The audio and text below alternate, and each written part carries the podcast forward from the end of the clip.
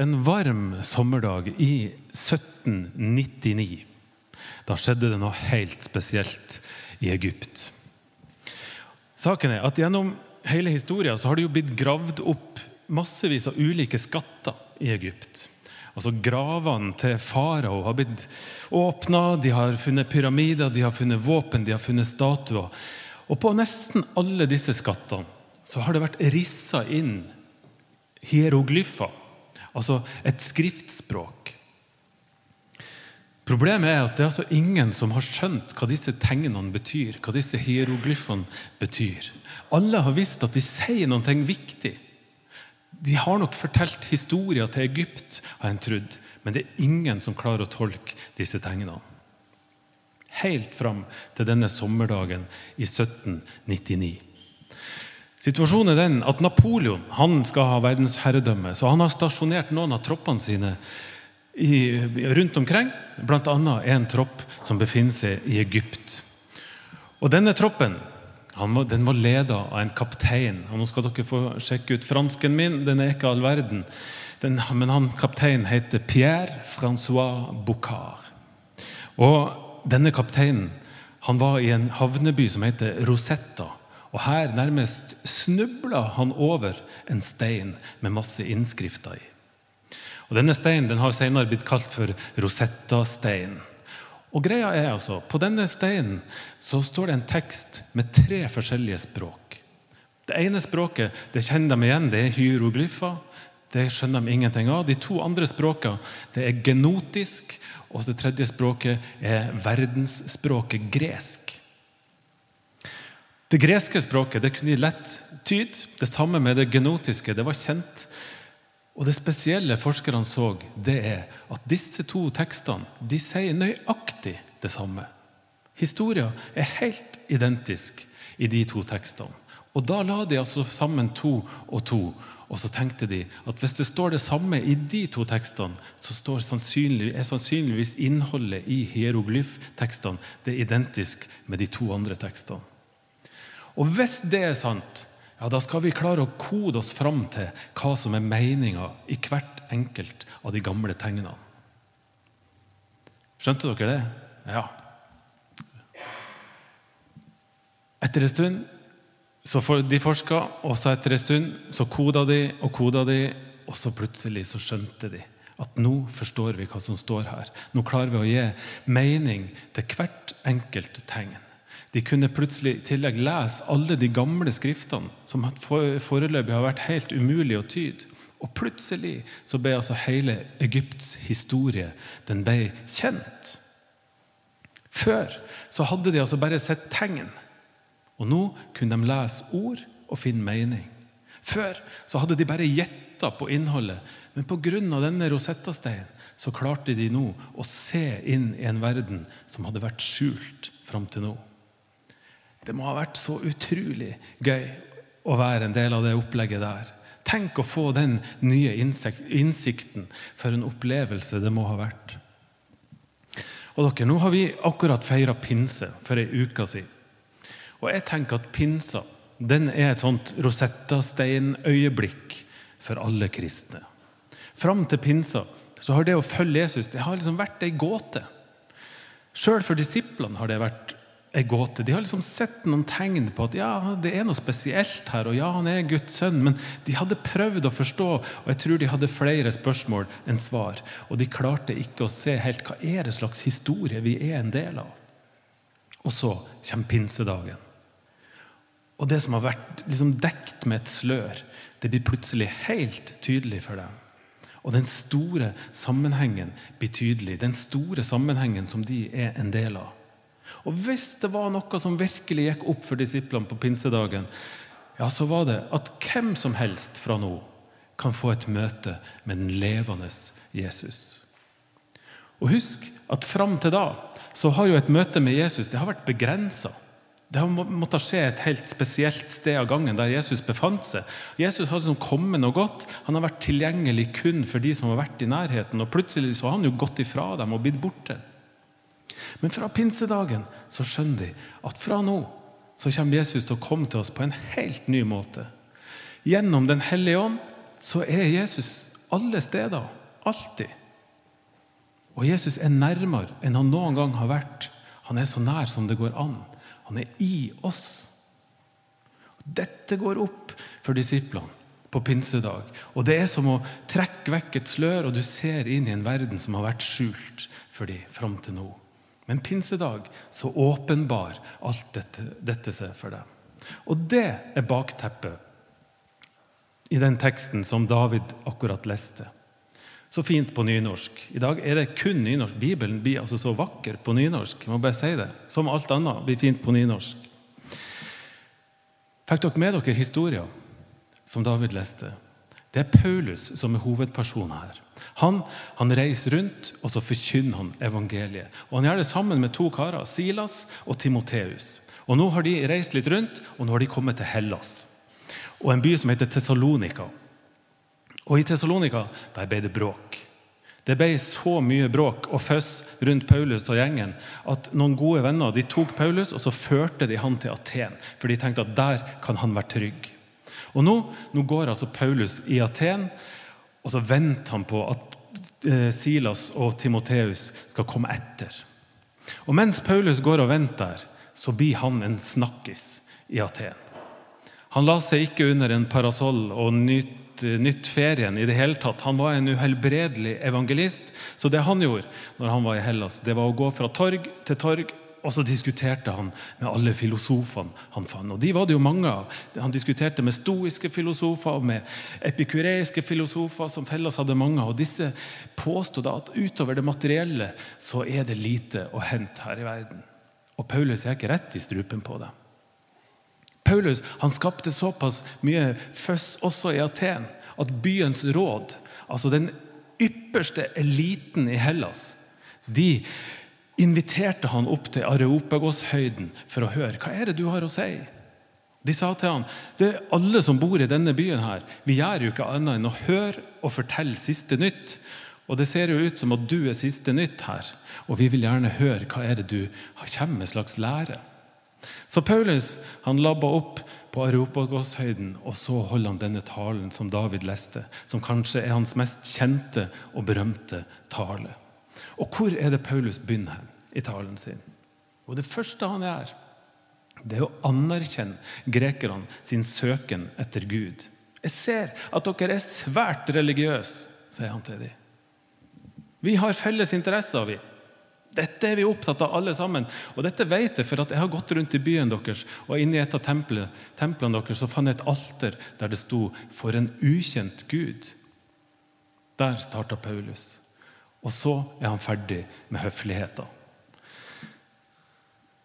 Det kler ikke Paulus å være så himla høflig, og her setter han i gang. Så sier han det dere tilber uten å kjenne, ja, det vet jeg hva er for noen ting. Dere leter jo i tåka. Og jeg ser at dere ønsker å forstå, men dere klarer jo ikke å forstå dette her. Ikke uten Den hellige ånd. Det som er ukjent, en ukjent verden og en ukjent Gud for dere, det kjenner jeg. Der fortsetter Paulus. Og så dundrer han løs. Gud bor ikke i tempel. Gud bor heller ikke i bilder av gull eller sølv eller stein. sier han. Og Gud formes ikke av kunst.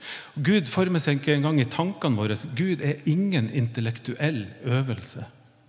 Men Gud bor i oss, sier Paulus. Det er Han som gir oss livet. Det er Han som gir pust. Ja, han gir alt til alle, sier Paulus. Og så kommer han til poenget. Gud er altså ikke langt borte ifra en eneste av oss. For det er i Han vi lever beveger oss og er til. Hørte dere det? Gud er ikke langt unna en eneste av oss, men det er i Han vi lever, beveger oss og er til. Gud er helt nær, og Gud er overalt. Og hvordan vet jeg dette? Jo, for jeg har møtt den oppstandende Jesus Kristus. Det er talen til Paulus. Og Husker dere hvordan disse grekerne reagerte? De reagerte på tre forskjellige måter. Det var en god gjeng som begynte å flire. Og de gjorde narr av ham. De mente at dette var så dumt at de spotta ham, som det sto. Og så var det noen andre som sa at ja, men det er interessant det, Paulus. Det hører vi det gjerne snakke om en annen gang, men ikke noe mer nå. De var noe høflig, om ikke annet. Og den tredje gruppa de tror jeg fikk et sånt øyeblikk som da forskerne plutselig klarte å tyde hieroglyfene. Plutselig forsto de noe de ikke hadde sett tidligere. De hadde søkt en ukjent Gud, men nå var altså Gud ikke lenger fremmed. Men de tok imot Jesus som sin frelser, der og da. Og Lukas, som skriver apostlenes gjerninger, han forteller oss til og med navnene på to av de. Dette var Dionysos, som satt i dette rådet. Og så var det ei kvinne som heter Damaris, og flere andre, skriver Lukas. Og så sitter vi nå her, da, i kraftverket i Oslo i dag. 2000 år seinere. Tenk det, dere. Tenk at vi er det. Hvordan er det mulig? Jo, det er selvfølgelig mulig fordi Den hellige ånd fortsetter å avsløre hemmeligheter om Guds rike, sånn at vi mennesker kan se dette her og ta imot dette her. Den hellige ånd viser oss også i dag hvordan vi skal bli kjent med den levende Jesus. Det er jo vi et tegn på, et bevis på. Og Det syns jeg er ganske stort. Og Nå så dere litt alvorlig ut. Kanskje dere tenker at jeg syns vel egentlig ikke det er så enkelt, det her med Gud. Jeg ser jo ikke Gud så innmari tydelig. og Jeg har ikke hatt noe sånn Rosetta-stein-øyeblikk, så hva er vel min tro for noen ting? Jeg ber, men jeg syns jo ikke jeg hører noen ting, og jeg leser i Bibelen. og Det er jo kjedelig, skal jeg være helt ærlig, og jeg går på gudstjenester og møter, men jeg føler jo ikke noen verdens ting. Jeg gjør de rette tingene, men alt er bare tomt. Sånn tror jeg de aller fleste kristne har det en gang iblant. Og det er jo ikke noe godt sted å være i det hele tatt. Og kirkefaderen Augustin han visste hva dette dreide seg om. Så vi er i godt selskap hvis vi har det sånn. Han satte ord på dette. Han sa at vårt hjerte er urolig helt til vi finner hvile i det, Gud. Vårt hjerte er urolig til vi finner hvile i Gud. Så hvordan skal vi finne denne hvilen, da? Hvordan skal vi få øye på Gud? Må vi ha en sånn spesiell dag eller et spesiell hendelse for å tro på Gud? Ja, dere sitter og venter på svaret. Stakkar.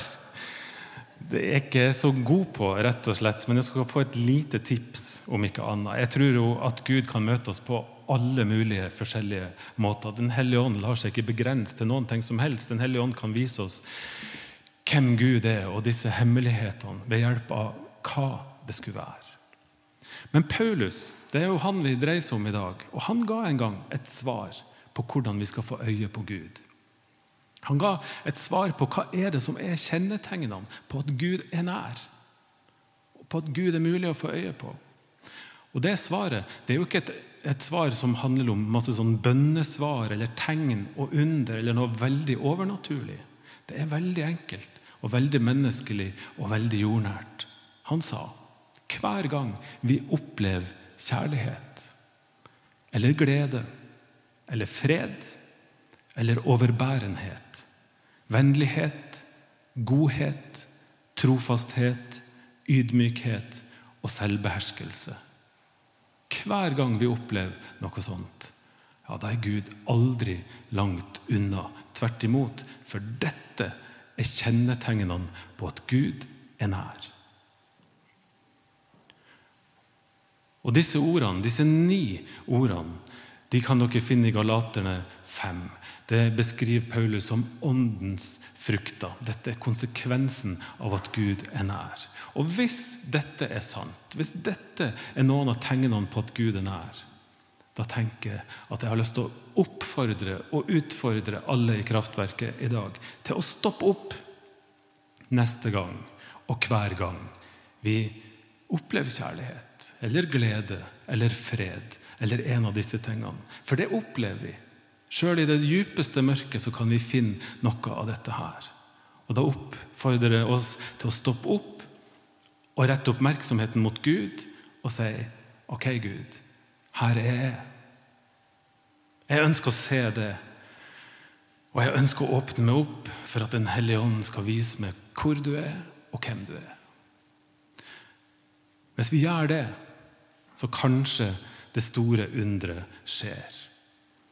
Kanskje det samme skjer med oss som med forskerne som klarte å tyde og kode hieroglyfene.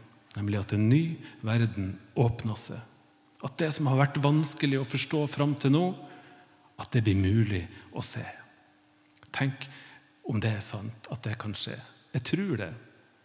Og jeg tror, jeg er til og med ganske sikker på, at vår lengsel etter Gud den er ingenting i forhold til Guds lengsel etter oss. Og Derfor klarer ikke Gud å holde seg unna. Men han kommer til oss. Han er nærmere enn vi kan forestille oss. Det er i Han vi lever, beveger oss og er til.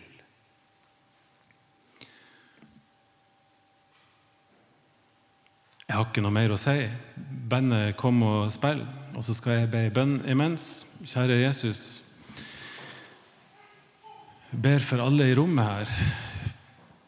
Jeg ber om at du skal bli synlig for oss. Jeg ber om at du skal bruke den minste eller største ting til å gjøre det sjøl synlig i våre liv, sånn at vi kan følge det. Takk, Jesus, at du er levende, og at du er overalt til alle tider. Og takk at vi i Kraftverket skal få lov til å oppdage hvem du er, og leve ved sida av det. Amen.